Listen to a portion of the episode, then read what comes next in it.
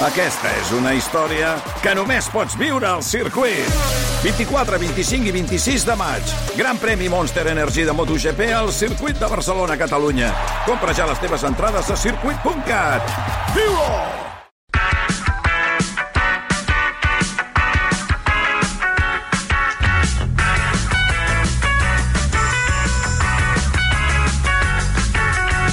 Dilluns vol dir que toca No s'ha parlat prou. Avui amb la Candela Figueres i l'Anna Priscila Magrinyà. Com esteu? Bé, bona nit. Bona molt nit, bé, molt bona bé. nit. Que l'hora que Ai, que- fet. Sí, eh? és que, que, és que, Som- clar, un any i quatre, cinc setmanes ja Això es de- nota, això es nota, en de antena es nota segur. Sí, Ai, sí, sí. que tinc ara aquí una cosa al coll que m'estic... No pateixis, vols beure aigua i nosaltres parlem mica- No, mentrestant? no, ja està, ja està, ja, està, ja ha de passat, ja ha passat. Vinga, va, va. qui comença? Qui vulguis tu? Doncs tu, Candela, Que de jefa. no s'ha parlat prou. Ah, que prefereixes la candela? Ai, no sé si No, perquè l'última setmana vas començar tu. Vinga, candela, que Val. segur que és molt Què, interessant. què, què? De què no s'ha parlat prou? De la llegenda del túnel del Cargol de la Collada de Tosses. Ui, no, l'he sé sentit si mai. a parlar. De la collada de Tosses sí, Sí. però de la, la llegenda aquesta no. És A el, veure. és el túnel de la línia de tren que uneix ca eh, Catalunya amb França, passant per Puigcerdà i que surt de Barcelona. Uf! Però, per ambientar-nos, Ah. tinc una cançoneta Ah! per entrar en matèria que Ens crec agraden les cançons. Ara ja sé de què estàs parlant, que és molt túnel. important.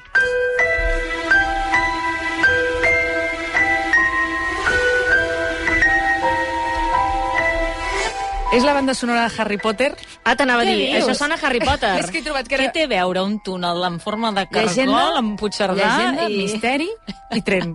Ah, d'acord. Jo eh, no he vist Harry Potter, però a mi m'han dit que això són tres ítems importants i posat. Jo tinc una pregunta. Quan la Ballonesta ha dit ah, ja sé de què parles, ja sé de quina Sí, cançó et posaràs, quina cançó et pensa, no, no, no, pensaves. sé, que, sé, um, T'ha vingut el tema del sé túnel quin és del el Cargol. túnel de Cargol Ah, de la. Collada de Toses. D'acord. Doncs començo explicant. Va, la llegenda explica que en el cementiri de Sant Cristòfol de Tosses, al Ripollès, hi ha una tomba que no passa desapercebuda per cap turista ni cap visitant, que és la d'Hilario Jesús Retuerta Toledano. Cap visitant que vagi al cementiri de Sant Cristòfol de Toses. Si tu no vas al... al, al Hi ha al- turisme de cementiris, eh? Sí, no, no, que jo en sóc una, eh? Vull Ah, dir, sempre que vaig a un poble m'agrada anar a veure el cementiri. Veus? Doncs Coneix els morts i coneixeràs els vius, una mica diuen. I si no, m'ho he inventat jo, que queda molt bé. Però el tema és que l'Hilario era l'enginyer encarregat de dur a terme el que seria una obra destinada a passar a la posteritat, que és aquesta, la del túnel del Cargol de la Collada de Tosses, per la seva complexitat que tenia.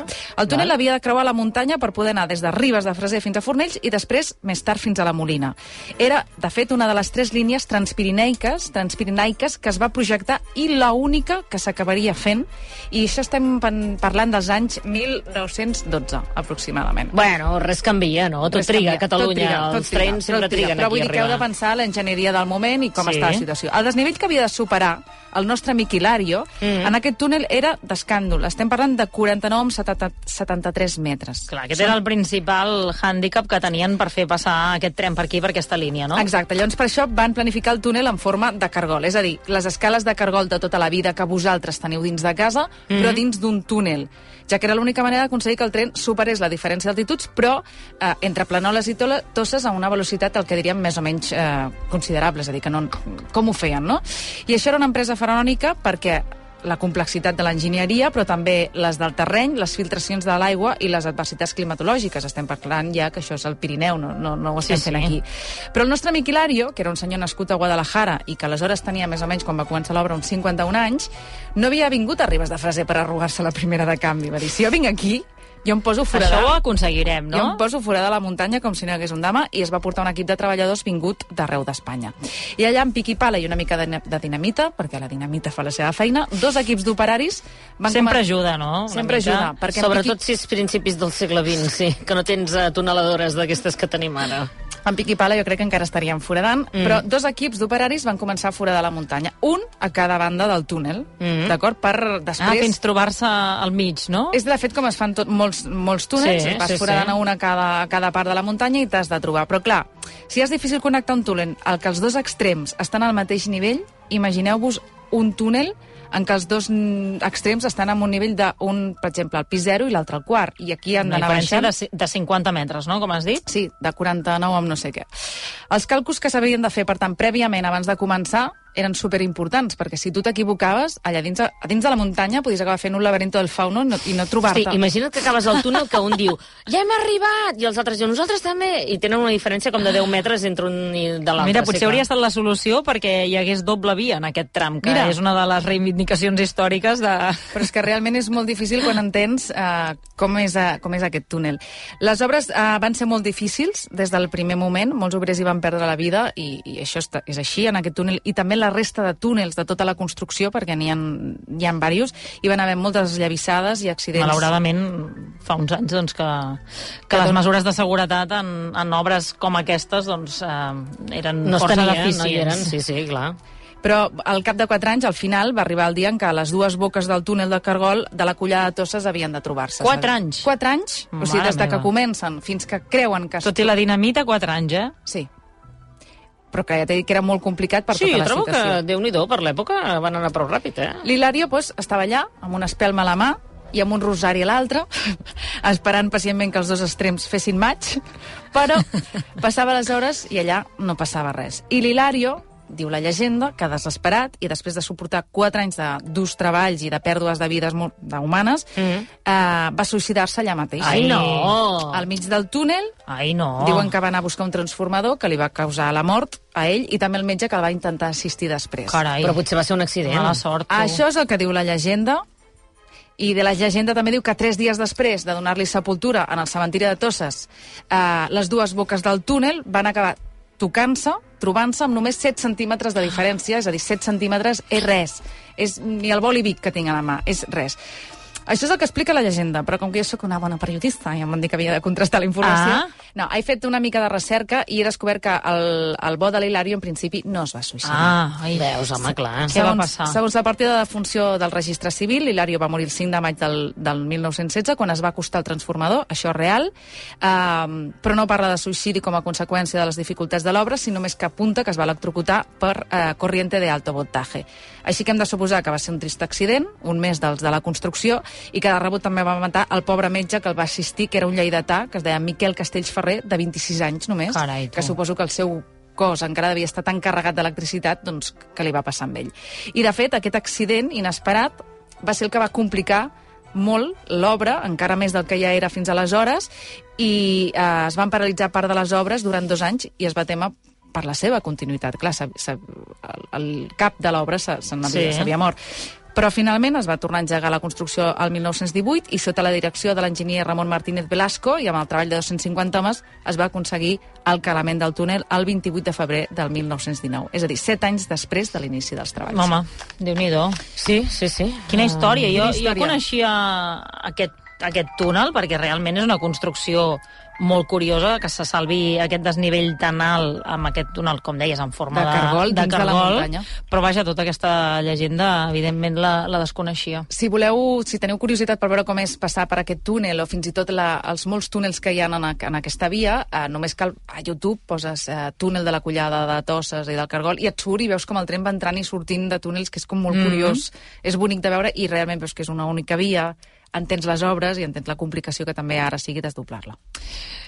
Sí, anàvem a dir, anava a dir també que, que d'aquí també tots els problemes que, que encara hi ha per aquesta línia, perquè anar de Barcelona a Puigcerdà és, és gairebé una excursió que hi has de dedicar més de mig dia per Tardes el arribar-hi. mateix que hi tardaves eh, fa 100 anys. Si fos l'únic problema que tenim aquí, saps, a les línies de tren, dius, No, no, no. encara.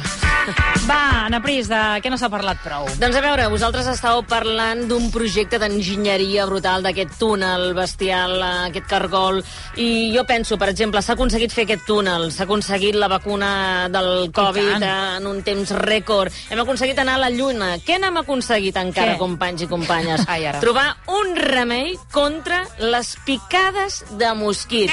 I em direu, hosti, estem a l'octubre, però, no, no, amigues, no, no. Aquest què? cap de setmana m'han picat. Gràcies, Tinc perquè- quatre picades. Jo no sé si estic que envoltada ensenyi? de- Mira, Sí, i dues a tant. la cama, que ara no veig l'altra. Això són mosquits aquí, tigre, eh? Perquè són d'aquests I dos que- aquí a l'espatlla. que van deixant uh, petja i aleshores, doncs, És posar, Ai. és posar soroll de mosquit i posar-te molt jo, sí, sí, sí, estic en alerta ja. Moda alerta. hem d'estar en alerta perquè ens trobem el 2 d'octubre, però encara els tenim aquí. I aleshores he dit, escolta'm, intentem fer una miqueta de ràdio de, de servei públic i explicar Com podem aconseguir que els mosquits no ens piquin? Tancant a casa. Com? No, perquè és que... Seguiu, mira, seguiu amb mi, companyes. A veure. Seguiu, seguiu, feu aquest viatge. A mi sí que per el camino de baldoses amarilles, que jo t'ensenyaré.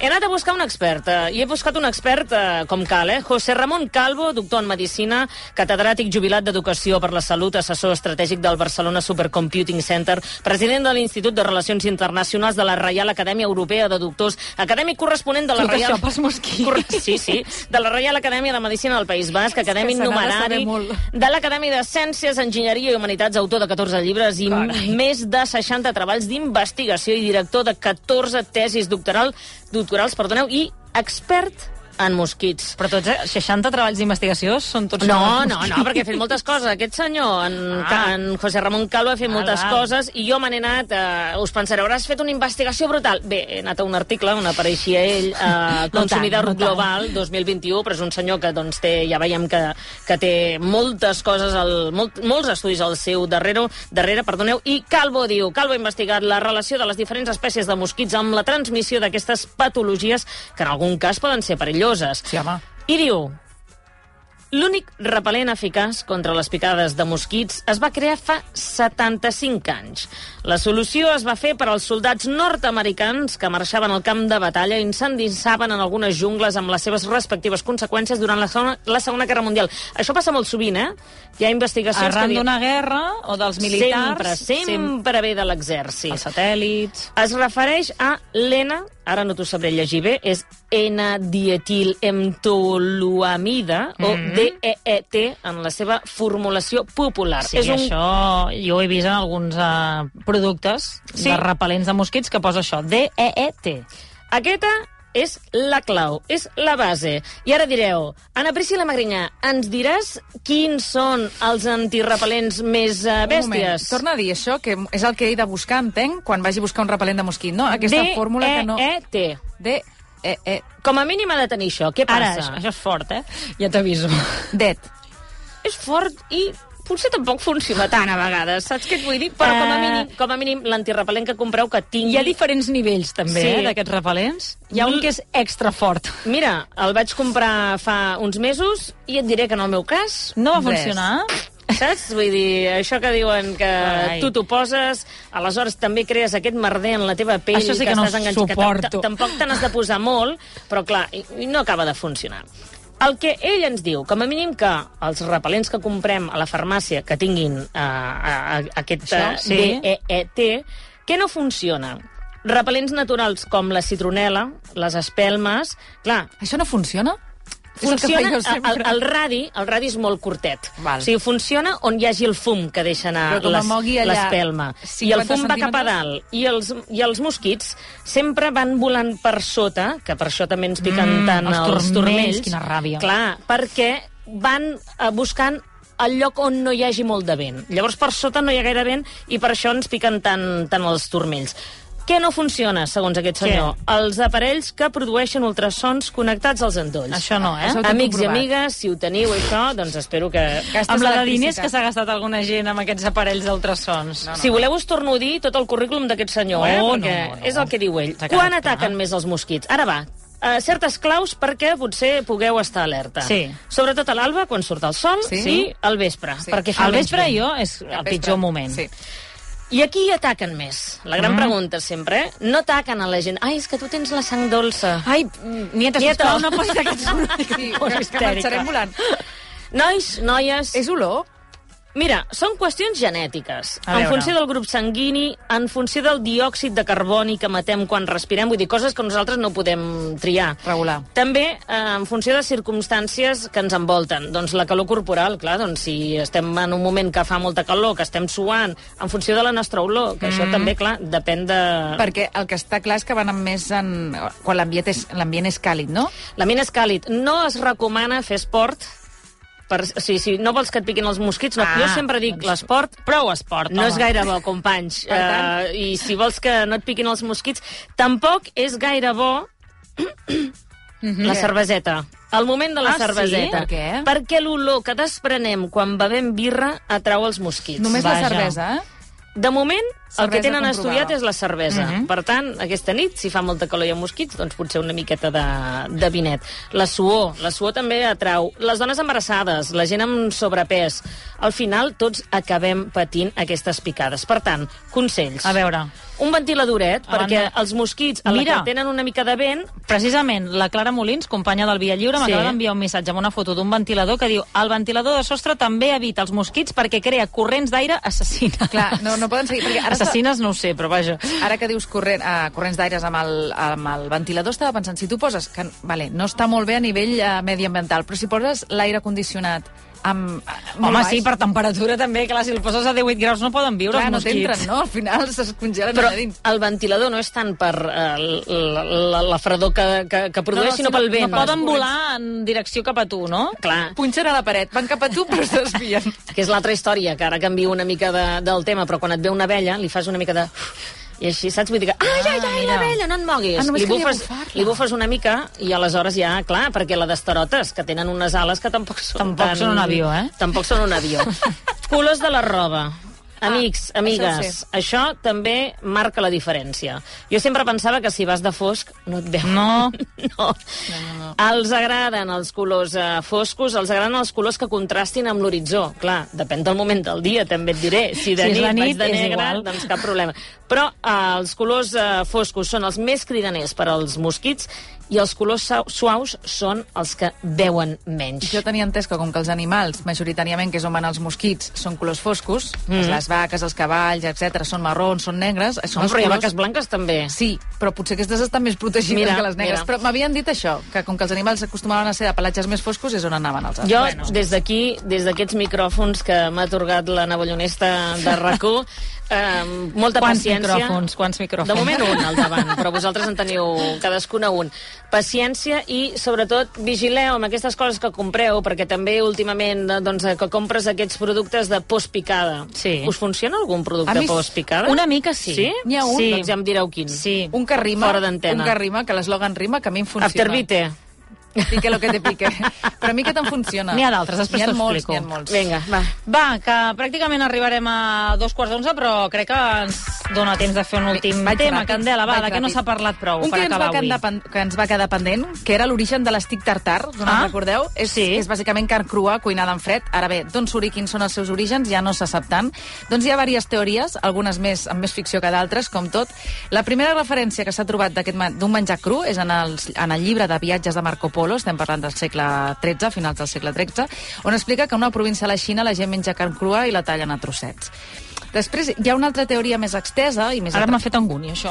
Sí, Ah, pensar que diries, ai, ara m'han vingut ganes de menjar Mira, quan ha dit estic estic tartar, eh, eh, estava a punt de dir-vos, si plau aquesta última hora, si, no, si pot ser, no parleu de menjar, perquè Tens molta gana, eh? gana, Vinga. però ara això de menjar carn crua i tallar trossets m'ha fet angúnia. Has pensat en Viven, en la nova... No ho de- diré. És, és Va, el que vindria a ser l'estic tartar, eh? Va, després hi ha una altra teoria més extesa i més atractiva que diu que els cosacs, que eren soldats d'origen eslau que donaven servei als governs de les zones pròximes, quan van treballar per l'exèrcit tartar tenien el costum de... Això, això no sé si et farà fàstic, també. Tenien el costum de col·locar els filets de carn mm. sota les celles de muntar cavall per treure-li a la sang i estovar-los.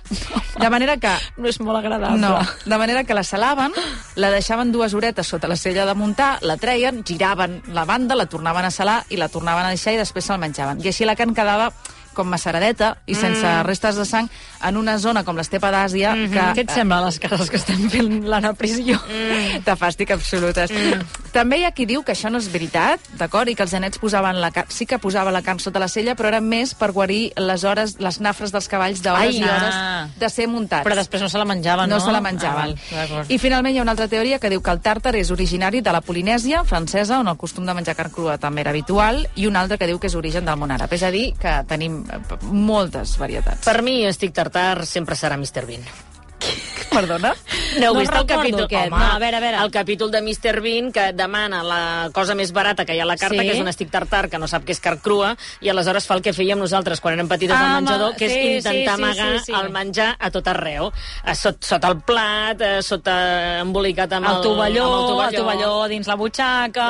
Tot, tot plegat. això. Bueno, en fi, l'origen està clar que no, no se sap, però sí que se sap que el nom segurament ve de la salsa que l'acompanya, que és la salsa tàrtara, que està feta amb maionesa, alcaparres, cogombres, ceba i julivert, i que, es, i que es va començar a servir molt sovint amb aquesta carn trossejada així crua als hotels francesos de principis del segle XX, als bons hotels francesos. clar. així que eh, el nom sabem d'on surt. L'origen ja eh, varia. A vegades és millor no saber l'origen, eh? No, a Després vegades de lo que has explicat, eh, Per- sempre... Ara parlant de la salsa ja m'ha tornat a agafar. Mira, doncs mira, et vull, dir, et vull dir una cosa. Si, si, si sou molt fans del tàrtar, del tàrtar, heu de treure el nas per la tartareria, que per mi és un dels restaurants més bons que hi ha a Barcelona. Els porta, la porten al Pedro de la Tere, som, està a l'Eixample, s'ho han currat moltíssim, des- els conec des de fa molts anys, i jo he anat i et prometo que allà és dels pocs llocs on m'agrada la La tarta. Allà no, no fan eh? servir celles, eh? Per, mm. I no ho dic jo, eh? també en, estan recomanats per la Avui guia no sé si ens Michelin. dona temps d'anar-hi, però en fi, No, ens però apuntem per, ho per apuntem. un altre dia. N'hi ha més, però aquest està molt bo.